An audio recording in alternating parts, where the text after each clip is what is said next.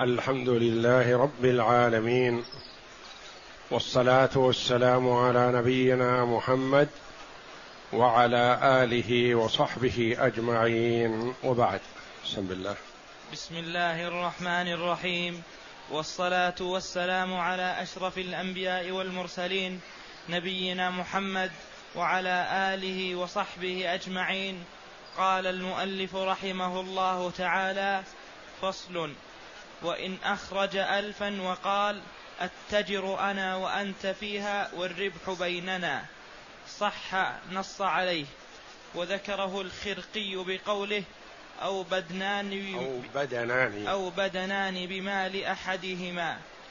وقال ابن حامد فصل قول المؤلف رحمه الله تعالى فصل في بيان صفة أخرى من صفات المضاربة. الأصل في المضاربة أن الرجل يسلم ماله لآخر يتجر به والربح بينهما حسب ما اتفقا عليه. وهذه صفة أخرى من صفات المضاربة. المال لشخص والعمل منه ومن آخر. هل تصح أو لا تصح؟ يقول المؤلف رحمه الله هذه الصفة صحيحة. لأن صاحب المال يحب أن يشارك المضارب في العمل. يباشر العمل في ماله والآخر قد يكون أدرى منه في وجوه البيع والشراء وطرق الكسب ولكنه لا يحب أن يسلمه المال ولا يعلم عنه وإنما يحب أن يشتغل معه. فيقول هذا المبلغ ألف أو مائة ألف أو مليون أو أكثر وقل أنا وأنت نتجر به. أنا مني المال والعمل وأنت منك العمل.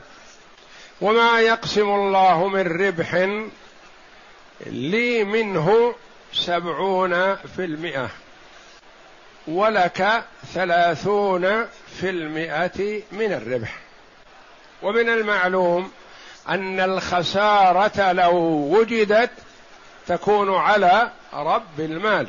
العامل ما يلزمه أن يضمن شيئا من الخسارة.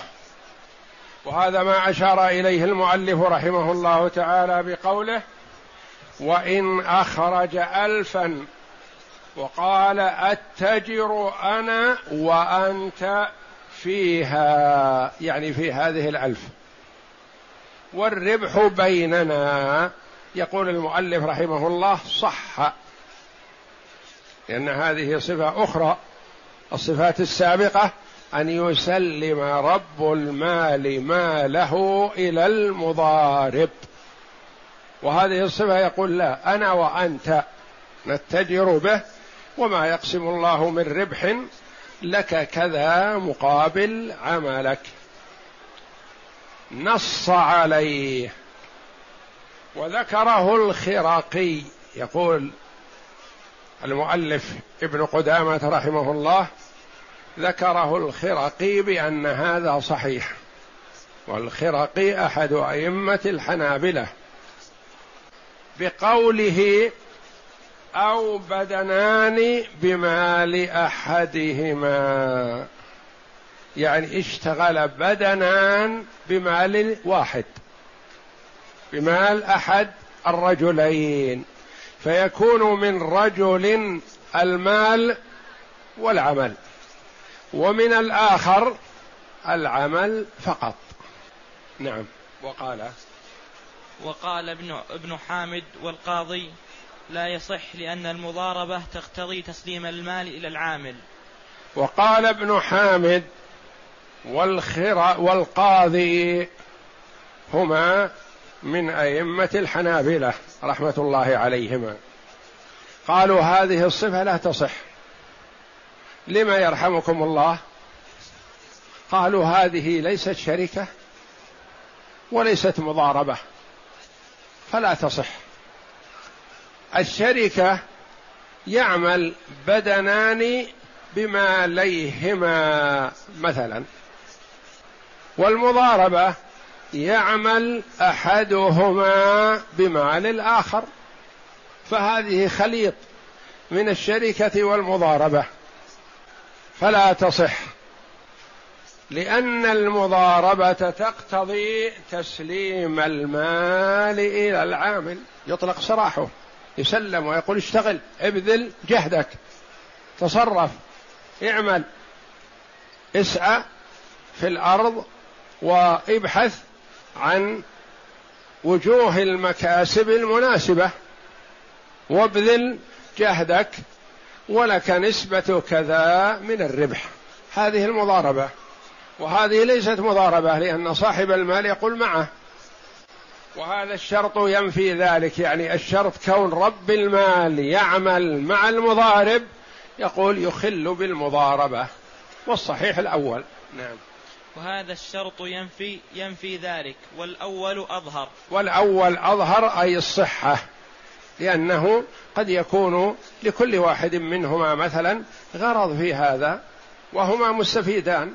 صاحب المال يحب أن يباشر. لكن ما يتخلص ولا عنده قدرة لإدارة مثل هذا المال والشراء والبضاعة والأموال الكثيرة ما يتمكن من التصرف بها وحده. ولا يحب أن يخزن ماله فلا يستفيد. يحب أن يأخذ معه آخر. وهذا الآخر يجيد التصرف والبيع والشراء. ولكنه لا مال له. فاشتراكهما فيه مصلحة مثل مصلحة المضاربة. إلا أن في هذه زيادة اطمئنان لرب المال. رب المال يقول أحب أن أراقب مالي. كل صفقة أقف على الشراء والبيع وأنظر هل أنا في ربح فأستمر أم أنا في خسارة فأتوقف. ولا يحب أن يسلم ماله لشخص آخر مثلا يتجر به لمدة سنة. فإذا انتهت السنة جاءه وقال أسلمتني مليون والآن أصبح سبعمائة ألف. خسرت ثلاثمائة ألف. يقول لا ما أحب أن أسلمه المال ولا أدري عنه. أحب أن أباشر العمل معه لأطلع. وكل صفقة أعرف هل فيها خسارة؟ أتوقف. هل فيها ربح؟ أسير. وهكذا. فيقول المؤلف رحمه الله ابن قدامة والأول أظهر يعني الأول الذي هو الصحة بأن يشترك البدنان في العمل بمال أحدهما. لأن العمل أحد ما تتم به المضاربة. فجاز انفراد احدهما به كالمال كما انه يجوز انفراد احدهما بالعمل فيجوز اشتراكهما فيه نعم ومقتضى المضاربه اطلاق التصرف في المال والمشاركة في الربح وهذا لا ينفيه فإن شرط المضارب أن يعمل معه غلام رب المال ومقتضى المضاربة إطلاق التصرف في المال يعني هذا على القول الآخر. والمشاركة في الربح يعني يقتضي أن يطلق المال يعطيه المال ويقول تصرف. وما يقسم الربح يقسم الله من ربح بيننا على نسبة كذا. وهذا لا ينفيه يعني ما يعارضه أن يشترك الاثنان ويكون لصاحب العمل نسبة من الربح ولصاحب المال نسبة مقابل ماله ومقابل عمله. نعم. فإن شرط المضارب أن يعمل معه غلام رب المال فهو أولى بالجواز. يقول فإن شرط المضارب يعني العامل اللي يعمل في المضاربة. أن يعمل معه غلام رب المال. شخص جاء إلى آخر وقال عندي مليون ريال أحب أن أسلمك إياه. تشتغل فيه مضاربة. وما يقسم الله من ربح لي نصفه ولك نصفه. قال المضارب نعم لا بأس. أنا موافق على هذا. لكن أحب أن يشترك معي غلامك. لأني ما أحب أن أنفرد بالمال وحدي. لأنه إذا صار معي غلامك تكون أنت على اطلاع بتصرفنا. فإذا أعجبك فالحمد لله وإن لم يعجبك توقفنا. فأنا أشترط أن يعمل معي غلامك. كأنه يقول تعمل معي أنت قال لا أنا ما أتمكن من العمل. أنا لا أحب أن أشغل نفسي بهذا المال أشتغل به عن عبادة ربي وإنما أحب أن يشتغل به غيري وأستفيد من ربحه. ولا أحب أن أشغل نفسي بالمال عن طلب العلم أو عن عبادة أو عن الجهاد في سبيل الله. فالله رزقني المال فأنا أستعين به ولا أنصرف له كلية. ما أجعله همي وما يأتي الله من ربح يكون لي منه نصيب ولمن يعمل فيه نصيب مقابل عمله. فأبى رب المال أن يشترك كما في الصورة الأولى فاشترط العامل قال إذا اذا يشترك معي غلامك يقول المؤلف رحمه الله فهذه فهو أولى بالجواز يعني من التي قبلها وأقرب إلى موافقة المعارضين عليها. نعم. لأن عمل الغلام يصح أن يكون تابعا لعمل العامل. يقول إن عمل الغلام ليس كعمل رب المال لأن عمل رب المال مستقل. وله رأيه وله نشاطه وله تصرفه وله إدارته. وربما يؤثر على العامل يمنعه من هذا. اشتغل في كذا ولا تشتغل في كذا واترك هذا وأسرع إلى هذا ونحو ذلك. بخلاف الغلام فالغلام يكون تابع للعامل تحت إمرة وولاية ودبرة العامل نفسه. نعم. كالحمل على بهيمته.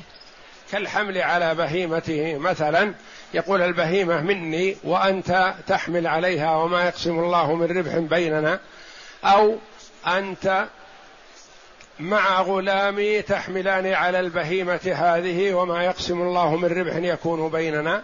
كل هذا صحيح كما تقدم لنا في المشاركة والشركة.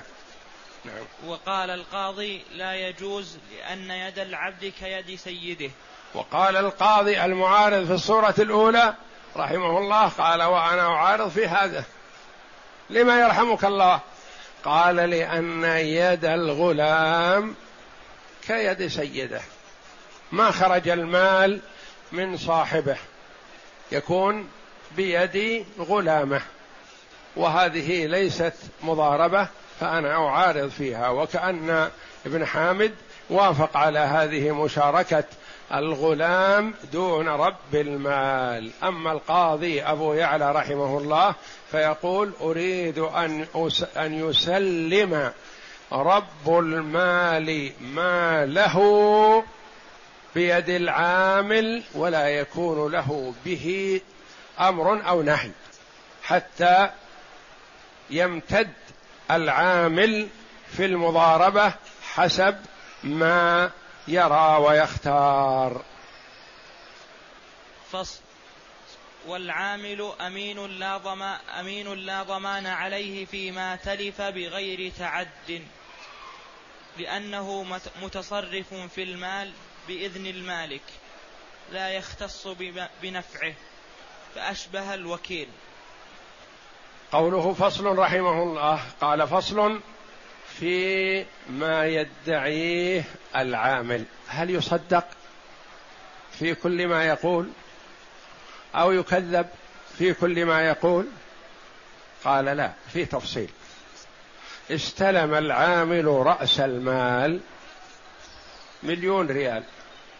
فجاء بعد شهر وقال اشتريت بضاعة بمليون وبعتها بمليون ومائتي ألف. فهل ممكن أن يقول رب المال لا يا أخي؟ أنا أتوقع أنك بعتها بثلاثمائة ألف وأنت تقول بمائتي ألف. ما تكفي. من المصدق منهما؟ العامل في هذه الصورة. الصورة الأخرى. استلم العامل المضارب المبلغ مليون ريال وبدأ يشتغل فيه. شهر شهرين ثلاثة خمسة ستة. ثم جاء إلى رب المال وقال ربحت في أول التصرف ولكني خسرت بعد هذا خسارة عظيمة. وحاولت البيع والشراء زيادة لعلي أربح أجبر النقص لأني ما أحببت أن أخبرك بالخسارة أول الأمر فخسرت أكثر من الأولى. فما بقي معي من المليون إلا نصفها الآن. تحب أن أستمر؟ أو أسلمك دراهمك وكل منا ينصرف لحاله. فيقول لا يا أخي أنا علمت أنك كسبت وأنت تريد تقول خسرت لأجل تأخذ مالي فاختلفا فمن المصدق منهما؟ المصدق منهما في زيادة الربح أو في نقص رأس المال. من المصدق منهما؟ قال هو العامل لأنه أمين في هذه الصورة. مسلم سلم له رأس المال ليتجر به. وأنت ما سلمته إياه إلا وقد وثقت به. وأتمنته عليه فهو أمين فيما يدعيه إلا في بعض الأحوال. إذا ادعيت عليه تفريط وتساهل في الأمر فلك حق في أن تغرمه. ولذا قال المؤلف رحمه الله تعالى والعامل امين لا ضمان عليه فيما تلف بغير تعد.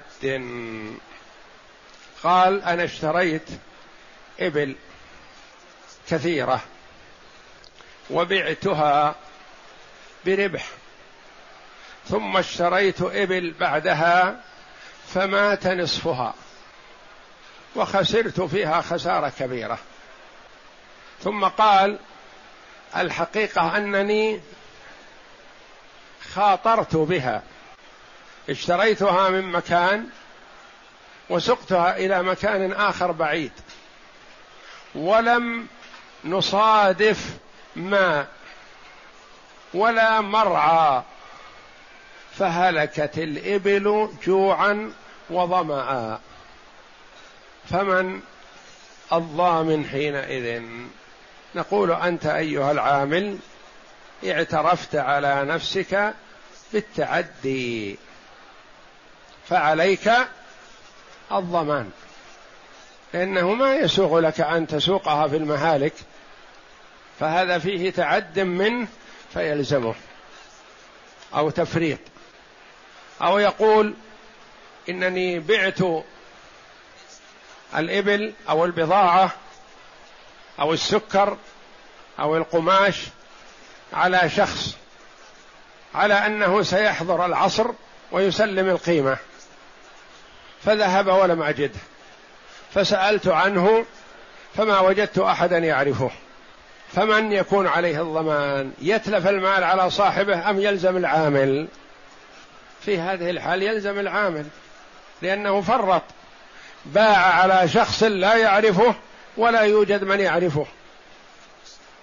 ولم يستلم منه المال نقدا فهو فرط وتساهل. فعليه الضمان. صورة أخرى يقول استلمت الدراهم مئة ألف من المشتري للبضاعة ووضعتها في رف في المجلس. فلما رجعت إليها بعد ساعة أو ساعتين ما وجدتها سرقت. يخلف الله علي وعليك. وإلا فيها ربح لكن راح الربح وراس المال. فيقول رب المال يخلف الله على الجميع إن شاء الله لكن يلزمك الضمان لأن الدراهم يا أخي ما توضع في رف في المجلس وإنما الدراهم تحفظ فليس حرزا لها رف المجلس فهذا يسمى فرط يلزمه الضمان. فالعامل إذا لم يحصل منه تعد ولا تفريط فلا ضمان عليه. وإن حصل منه أحد الأمرين فالضمان عليه لأنه فرط وتساهل ولم يهتم بالأمر. ولذا قال المؤلف رحمه الله تعالى والأعامل أمين لا ضمان عليه فيما تلف بغير تعد. أما إذا وجد تعد أو تفريط فيكون عليه الضمان. لما لا يضمن؟ إذا لم يوجد تعدي قال لأنه متصرف في المال بإذن المالك لأن يده مثل يد المالك. وهو متصرف في المال بإذن من المالك وليس له نفع وحده ولا للمالك وحده وإنما النفع مشترك. فهو مؤتمن عليه فلا ضمان عليه فيما تلف بغير تعد ولا تفريط. فأشبه الوكيل الوكيل في أمر من الأمور ما تعدى ولا فرط فتلف ما قبضه فلا ضمان عليه حينئذ. نعم. والقول قوله فيما يدعيه من تلف أو يدعى عليه من خيانة لذلك. والقول قوله فيما يدعيه من تلف. قال في أثناء الطريق مات معي بعير. أو سرق مني حمل. أو تلف نوع من المال الذي اشتريته فرميته لأنه أصبح لا فائدة فيه. فلا يطالب ببينة لأن يده مثل يد رب المال. ما يقال أحضر بينة. قد لا يتمكن من إحضار بينة يكون وحده ما معه أحد يشهده. فيقبل قوله فيما يدعيه من تلف أو يدعى عليه من خيانة لذلك. يعني إذا ادعي عليه بأنه قصر أو فرط ولم يأت المدعي ببينة فالقول قول من ينفيها وهو العامل. يعني يقبل قوله فيما يدعيه من تلف ويقبل قوله فيما يدعى عليه من خيانة ما لم يحصل بينة. فإذا حصلت البينة بأنه خان أو بأنه فرط وتساهل فيؤاخذ بذلك. نعم. وإن قال هذا اشتريته لنفسي أو للمضاربة أو اختلف في نهي رب المال له عن شرائه فالقول قوله لأن الأصل عدم النهي. وهو؟ لأن الأصل عدم النهي. وهو؟ أعلم بنيته في الشراء. هذه صورة من صور المضاربة. يقول المضارب اشتريت هذا الشيء لا للمضاربة وإنما لنفسي لأني في حاجة إليه. فمثلا رب المال أعطى ماله لشخص يتاجر به فاشترى فيه بضاعة. ثم إن العامل اشترى سجادة يريدها لنفسه لبيته. اشتراها بثلاثة آلاف. فرآها رب المال فقال ما هذه؟ قال هذه اشتريتها بثلاثة آلاف. قال الحمد لله هذه تساوي أربعة آلاف عندنا. إذا عرضناها في السوق تساوي أربعة آلاف. قال إيه لكن هذه أنا اشتريتها لنفسي. ما اشتريتها لي ولك اشتريتها لحاجة بيتي. فأبى عليه رب المال. قال لا هذه تبع البضاعة وتبع التجارة وفيها ربح ألف ريال. لي نصفه ولك نصفه. وإن كنت تريدها فمن الآن اشترها الآن مني. من المضاربة اشترها. قال لا أصلا أنا اشتريتها حينما رأيتها تناسب لبيتي اشتريتها لنفسي. ولم أشترها للبضاعة والمضاربة التي بيني وبينك. فاختلفا. فمن القول قوله؟ قول العامل لأنه أعلم بنيته وهو مؤتمن على هذا الشيء. أو مثلا صوره أخرى اشترى العامل بضاعة وأراد جلبها في السوق. فقال له رب المال يا أخي هذه البضاعة كاسدة وأنا سبق ان نهيتك عنها. قلت لا تشتري مثل هذا النوع. فأبيت واشتريت فهي الآن سيكون فيها خسارة وتكون الخسارة عليك. لأني نهيتك عن شرائها فلم تنتهي فأنكر العامل النهي. قال ابدا ما نهيتني. وما صدر منك نهي لي وأنا أتحرى الربح. وهكذا التجارة أحيانا الربح واحيانا الخسارة. فما دمت تفوضني فيما يربح فأنت ملزم بأن تفيضني كذلك فيما يخسر. وأنا ما اشتريتها لأجل الخسارة وإنما اشتريتها لأجل, لأجل الربح لكن أخطأت. فأصر رب المال بأن هذه لا تدخل في المضاربة. وأصر العامل بأنها تكون للمضاربة لأنه ناويها للمضاربة ولم ينهه رب المال عنها. ولا بينة لأحد منهما. أما إذا وجدت البينة رفعت الإشكال. لكن لا بينة لواحد منهما. فمن القول قوله؟ قول العامل. لأن الأصل أن عدم النهي. والأصل أن الرجل أعلم بنيته فهو نوى تلك السجادة لبيته فهي له.